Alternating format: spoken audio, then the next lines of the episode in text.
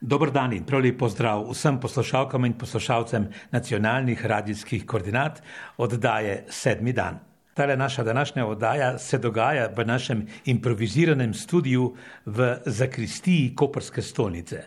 Naš in vaš gost je, kot smo rekli v naši studijski čelni napovedi, tukajšnji stolni župnik dr. Primoš Krečič. Smo torej v stavbi, ki po oceni nekaterih tod živi svoje sakralno življenje že tisočletje in pol. Gospod Primoš, od srca dobrodošli na valovih nacionalnega radia. Tudi jaz vas lepo pozdravljam, res tudi iz tega kraja, ki nam je tako drag in ima tudi čudovito dediščino, in vendar tudi pogled gor nad eh, samo mesto Koper s svojim zvonikom, tako da poseblja to, kar je nekaj najlepšega v življenju, da se ne bo prikloni k zemlji in zemlja gre v nebo. Ste se kdaj pogovarjali z vašo mamo, ko vas je rodila 7. marca 1961 v vrh polju pri Vipavi, da pa je mogoče na svet prikukal duhovnik? Gotovo, da je bila ena tradicija v družini, tudi moja teta, eh, rodna teta Zora Škrl je misionarka, bila veliko let v Bostvani in Uršulenka, tako da je ta prisotnost bila v družini. Z mamo se nisva dosti pogovarjala o tem, ker me je imela za preveč živega za tak poklic. Tako da uh, sem šel svojo pot, uh, gotovo so molili za me in tako naprej, ampak nisem bil v tistih koordinatah, kot je mama videla duhovnika. Kako pravijo, človek obrača bok obrne, kaj? Ja, prav gotovo. Je pa zelo pomembno, da greš svojo pot tam, kjer si ti ti in uh, ker ti pač tudi božja previdnost odpira korake naprej in poti, in tja se treba usmeriti in to narediti. Kdaj pa je bil v življenju mladega dečka, mladeniča, primoža, krečiča, tisti trenutek, ko je božja previdnost potrkala na vaše srce in eh, vas povabila v ta tako lep, pa tako odgovoren poklic, kot je duhovništvo? No, tega je bilo več. Prav gotovo so bile nekatere sveta Maše v logu pri Vipavi, ki je tam eh, svetišče Marino ali pa na Sveti Gori. So bili taki trenutki, ampak bolj bi rekel, da je bila vsa klima v prostoru naravnana tudi na duhovnost. Se pravi, ta povezanost, ki sem jo kasneje občudoval pri Rusih, ta povezanost eh, duhovnega in vsakdanjega življenja, prepletenost eno z enega z drugim ki sem jo potem pač v življenju uh, videl na, na, na nove načine in tudi morda bolj enostransko in tako pri mnogih ljudeh.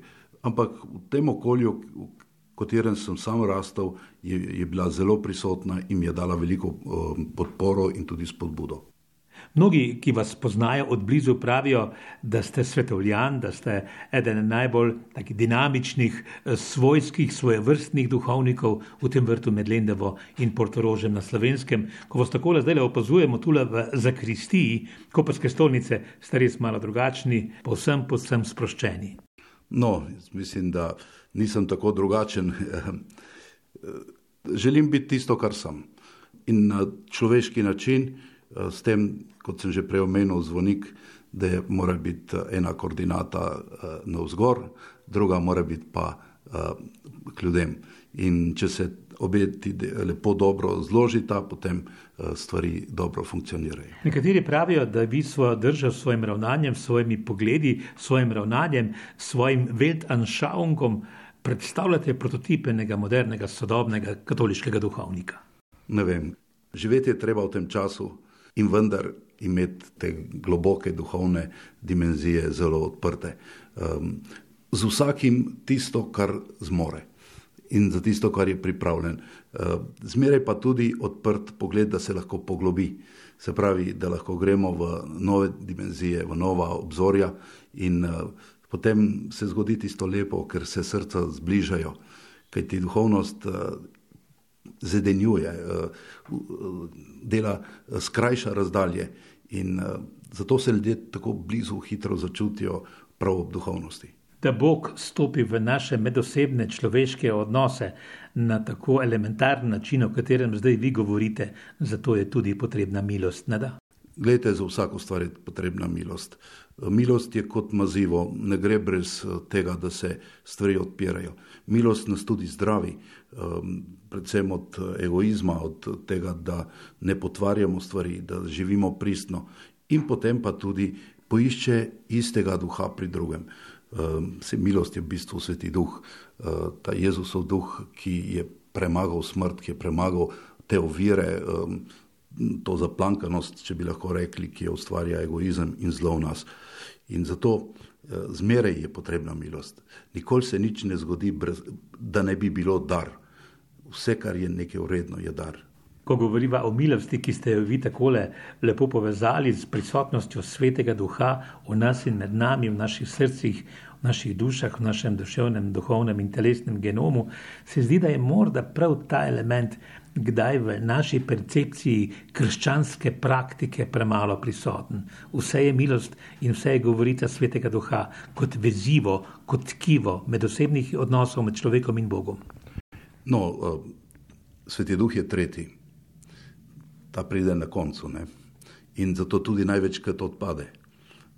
In uh, potem ostane egoizem ali pa kreganje. Uh, sveti duh je pa tisti, ki je na sredi.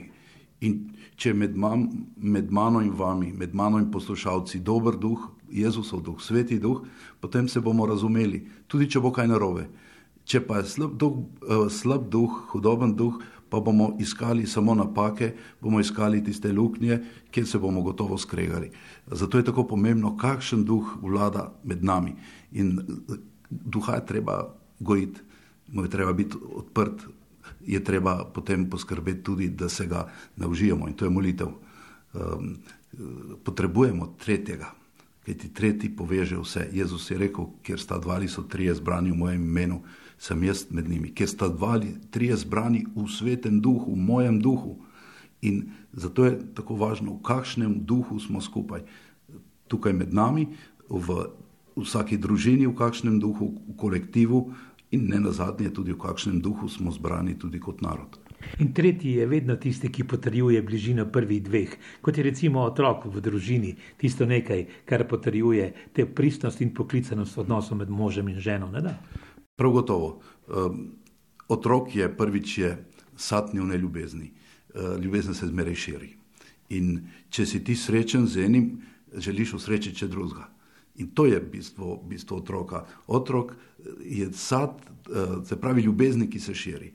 Ehm, in zato tudi, ehm, ehm, če govorimo tudi o svetem duhu, tudi v družinah in povsod, eh, je zelo pomembno, da, da on, kot sem že prej omenil, skrajša odnose, da jih naredi žive, da jih naredi polne, da se lahko gre tudi skozi tiste najbolj temne in težke trenutke, brez velikih ran, eh, oziroma da so rane čim prej pozdravljene. Sveti duh tudi ne pusti, da smo preveč časa na tleh, ko padeš, se moraš pobrati čim prej, ne da se potem začne kot droga, tisto padanje naprej in naprej. Eh, eh, Sveti duh nam ne da miru, stvarja zmeraj pelje tja, kamor je treba iti in ne moreš delati kompromisov s svetom. Sveti duh je duh lepote, da ne, da, ne, da ne odpremo še tega področja, ki je čudovito.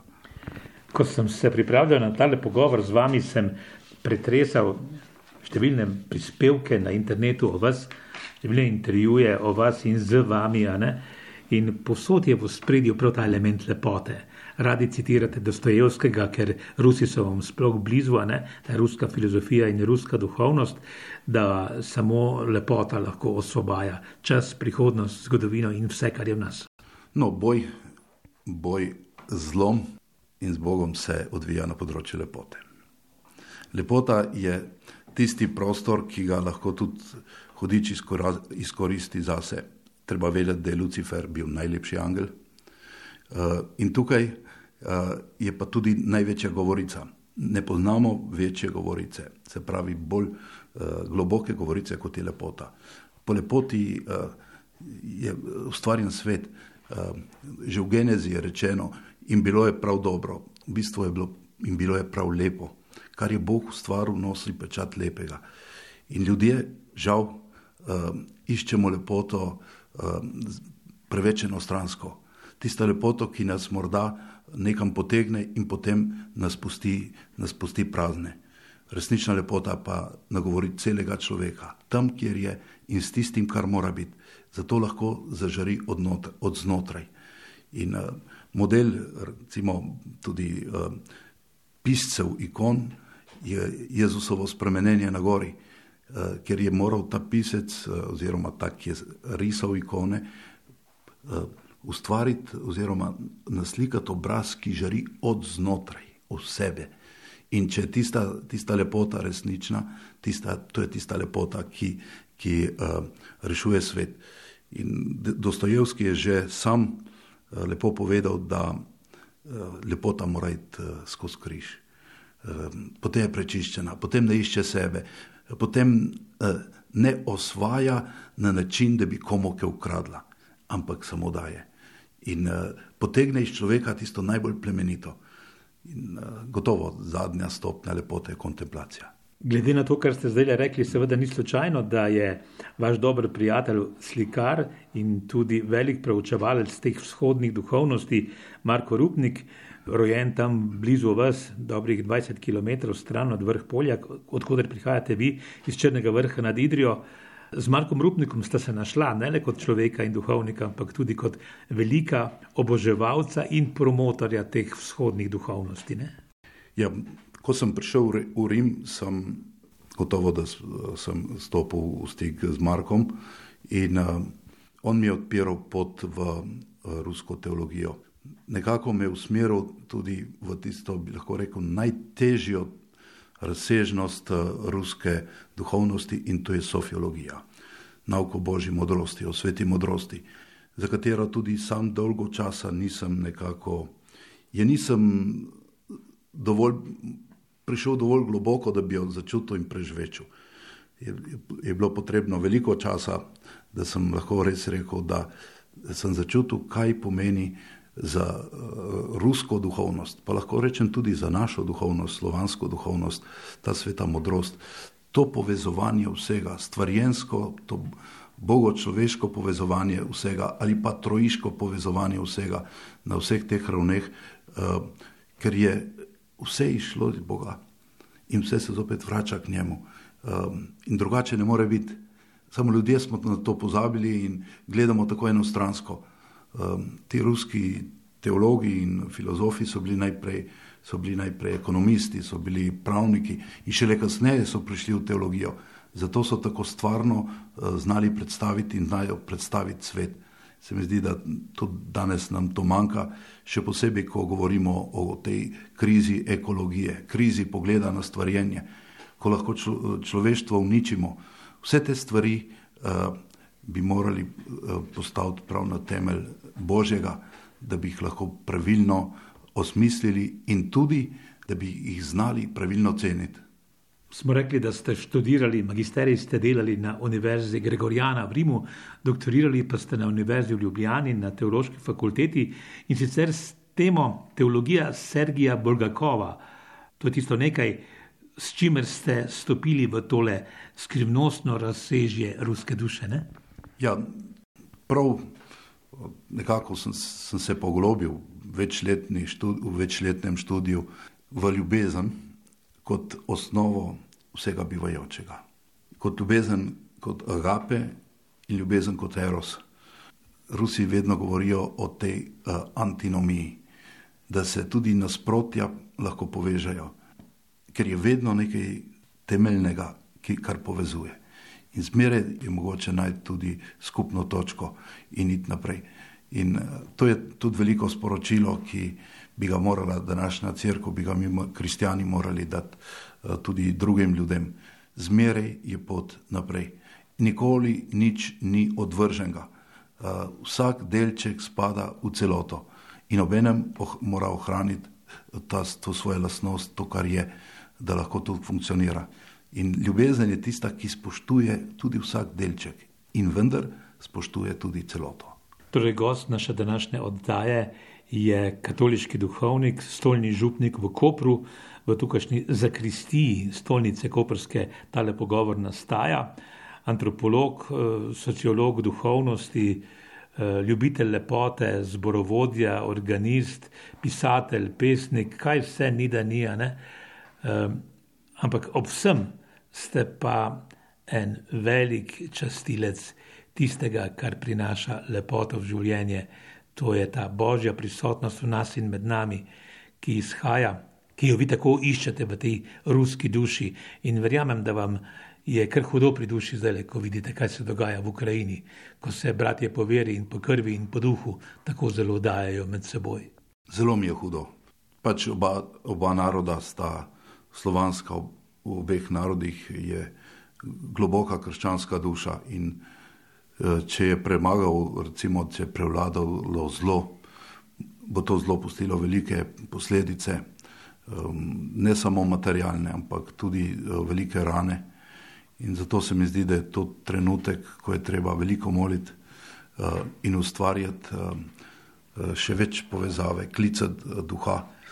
Zlasti s postom in molitvijo se dajo pregnati in končati vojne in tudi tukaj bo potrebna uh, ena velika duhovna osvoboditev, uh, kajti kjer je vojna, tam, tam ni več pameti, tam gredo stvari v, v skrajnosti in gotovo. Nekateri kupujejo, nekateri si kupujejo tukaj orožje, prodajajo orožje, ampak vsak človek je tako dragocen, da vojna je brez opravičila. In tudi kopičenje orožja ne pelje nikamor, ne da ne kopičenje orožja ni odgovor. No, to je papež Frančišek enkraten. On vedno zareže v pravo smer in tudi to je povedal celemu svetu. In ne, pač vojna industrija si zdaj polni žepe, ampak to ni pot, ki gre naprej. Ni pot demilitarizacija, sprava, človeškost, prav človeškost ne pa zverinskost in živalskost. To je velik izziv za naprej, da bomo morali delati bolj prav tudi na duhovnosti, na osebni spravi, na osebni, osebnem prečiščenju z Božjim duhom, da bomo lahko naredili prostor, ki ne bo silil v take spore, v tako nasilje, v tako enoumje.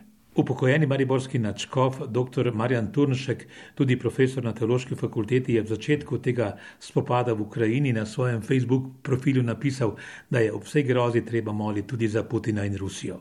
Prav gotovo. Molitev je tista, ki se dotakne naj, največjih globin vsakega človeka. Prav vsakega. Tudi Jezus je molil, tudi za Juda, za vse je molil. In uh, molitev je najgloblja eh, govorica, tista, ki seže najgloblje.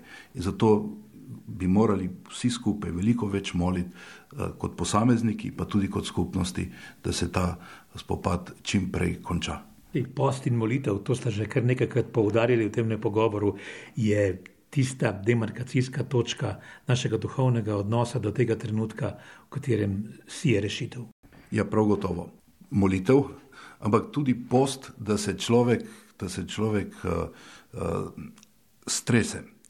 Post, uh, da odvrže tisto, kar ni potrebno, da ostane pri bistvenem in da je v tem tudi napor, ker post je napor. Uh, in napo, potem tak post potem odpre uh, človek, uh, človekovo srce, da, da lahko da iz sebe tisto, kar je najbolj plemenito. Doktor Primoš Krečič, Kaj bi pa počeli, če denimo ne bi bili duhovnik? Toliko stvari se dogaja in se je dogajalo v vašem življenju. Bili ste urednik revije Ognišče, potem nekaj časa urednik Koperskega studija Radia Ognišče, zdaj urejate nekatere publikacije, še vedno veliko pišete, ste zborovodja, ste organist, ste glasbenik, ste filozof, duhovni antropolog. Ko vas tako človek opazuje, da živite eno res polno, srečno življenje. Ja, to je res. Nimam B variante. Vam povem, da je nimam. Pač to, kar pride, pride in uh, ni nečako može tukaj. Pač to, kar živim, živim in tudi izbiral nisem nič drugega, pa bi lahko verjetno marsikje tudi kaj naredil. Pač uh, grem naprej po tej poti. Lahko bi bili v medijih, smo stanovski kolegi, kot ste delovali kot novinar in urednik, ste glasbenik, lahko bi bili glasbenik, organist, kjer karkoli. Ne? O tem nisem razmišljal. V potrditev, da vas imajo ljudje radi, dr. Primoš Krečič, da vas res ne postavljajo za ston kot vzor in mušter novodobnega duhovnika, je dejstvo, da Primorska sicer je vedno veljala za bolj nekako levo usmerjeno v medslovenskimi pokrajinami, ampak so vas nedavno nagradili z osrednjim priznanjem občine Koper. Lansko leto so vas primorske novice izbrale za osebnost primorske za leto 2021. To pomeni, da ta civilni del družbe še kako dobro vidi vaš pomen v prostoru in času, tudi na tej duhovni in sociokulturni platformi. No, gotovo, da uh, vse to, kar smo delali, uh, smo delali skupaj z eno dobro ekipo uh, mojih sodelavcev, uh, tako duhovnikov, kot tudi lajkov. Uh, tako da je vse to tudi sad tega našega skupnega dela. Po drugi strani pa tudi za uh, potrditev, za eno člo, en človeški odnos, pa tudi za molitev uh, za uh, vse prebivalce, občane. Uh, Stvem, da sem dolžen moliti za njih, da moram vsako jutro, če, se, če li mogoče, da, da naredim en krok in da molim za prebivalce tega mesta, pa tudi za druge. Se mi zdi, da je zelo pomembno, da se ustvarja ta interakcija človeškosti in duhovnosti, ki jo danes tako potrebujemo. Človeškost odpira vrata, da lahko stopi duhovnost, da lahko postanemo bolj ljudje, da si povemo, da si stojimo ob strani, da se skupaj veselimo in skupaj jočemo. Eh, potem nastane ta celovitost življenja, ki, za kar je tudi crkva postavljena, da eh, pri, prinaša Boga in da nas dela bolj ljudi. Doktor Primoš Krečič, toliko bi vi imeli še povedati slovenski javnosti, pa predlagam, da nadaljujeva tale pogovor čez teden dni v okviru tega našega projekta na ARS programu Sedmi dan in eh, tam poveva tisto okostje, eh, zakaj vse ste prijeli tole veliko občinsko priznanje občine Koper in zakaj so vas primorci prepoznali za enega najbolj željenih in sociokulturno angažiranih svojih sodržavljanov. Za zdaj hvala za pogovor, morda pa izrečete ob koncu en droben blagoslov, eno molitev za vse nas, ki živimo v tem tako milostno podarjenem vrtu med Lendavo in Portorožem, ki je naša domovina. In hvala vam od srca. Gospod, zahvaljujem se ti za vse sodobnike, da lahko skupaj potujemo, da se pobiramo na tej poti in da gledamo naprej in navzgor. Hvala za vsakega sodobnika, za vsakega brata, za vsakega prijatelja. Naj bo med nami tvoj duh, naj nas poveže in naj pride med, na, med nami v spredje tisto, kar je lepo, kar je dobro in kar je sveto. Amen.